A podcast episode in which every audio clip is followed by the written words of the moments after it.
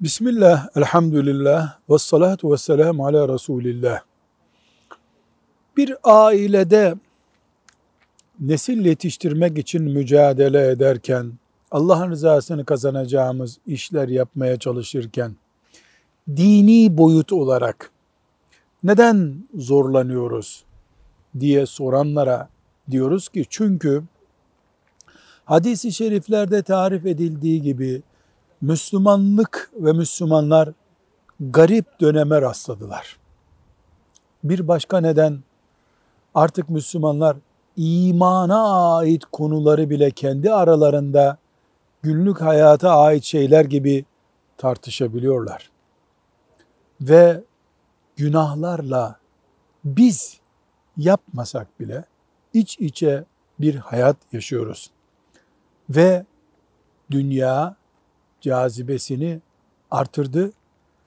Cennetmiş gibi dünyaya tutunmaya başladık. Ve Müslümanlar arasında tek gönül, tek el, tek yumruk olmak gerektiği halde ne yazık ki ayrılıklar tabii duruma geldi.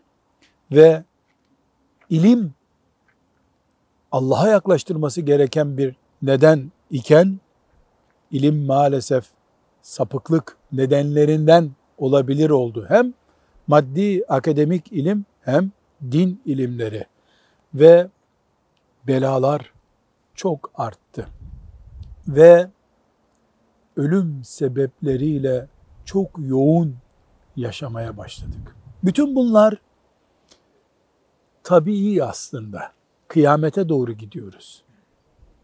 Tabii olmayan şey bizim bunların olmasını hala kabullenemeyişimizdir.